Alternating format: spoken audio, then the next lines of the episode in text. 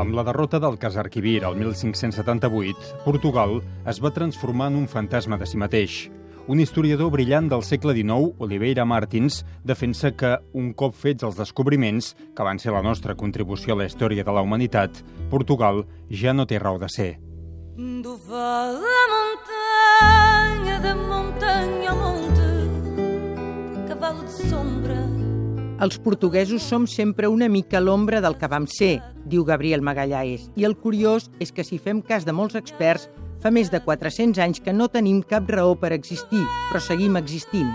Portugal va viure un període d'esplendor, un imperi portuguès enorme, però una metròpoli que no s'ho acabava de creure.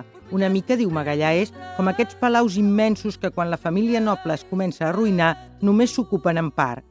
Així i tot, Magallanes creu en el dret d'existir dels països petits, amb un espai important en el futur. Practicar la independència dependent, viure de les rendes imperials o emigrar. Tot això dona a Portugal un perfil fràgil, d'humil ventafocs d'Europa. Però hi ha un tercer impuls que marca la història portuguesa. És la lògica revolucionària. Ja hem dit que som un país en el qual les revoltes acostumen a sortir bé. L'última revolta, la dels clavells de 1974, que va posar fi a gairebé 50 anys de dictadura, una revolució suau però ferma que va permetre al país alliberar-se de la madura, una revolució, diu Magallanes, que des de l'estranger es percep com una rebel·lió amable. Així s'entén una mica millor una de les imatges portugueses més famoses de la revolució de 1974, la dels clavells a la boca dels fusells. Això és potser el més bonic de Portugal i també d'Europa, el nostre desig col·lectiu de construir la pau amb unes mans en les quals hi ha urpes.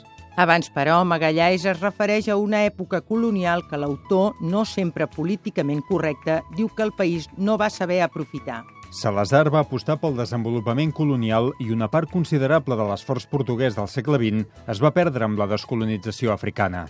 Les dècades finals del salazarisme, fins al 1970, representen tot un nou Alcazarquivir, el dictador es va convèncer de la seva genialitat heroica i el país es va perdre en els aiguamolls africans. I, finalment, la consolidació de la democràcia. Vam ressorgir el 1974 i la nostra història ha estat una llarga penitència dels nostres errors. Seguim fent servir la triple estratègia amb la qual sempre hem sobreviscut després dels nostres temps gloriosos. Va ser una revolució que ens va fer tornar al món dels vius, Després, ens vam aixoplugar sota l'ala d'una potència estrangera, la Unió Europea. Finalment, ara, les empreses portugueses i el mateix estat intenten desenvolupar els seus negocis amb la Xina, amb el Brasil i amb els països africans. I la decadència dels últims anys, com la de tants altres països de la perifèria europea. Portugal és un bon exemple d'aquesta medievalització d'Europa.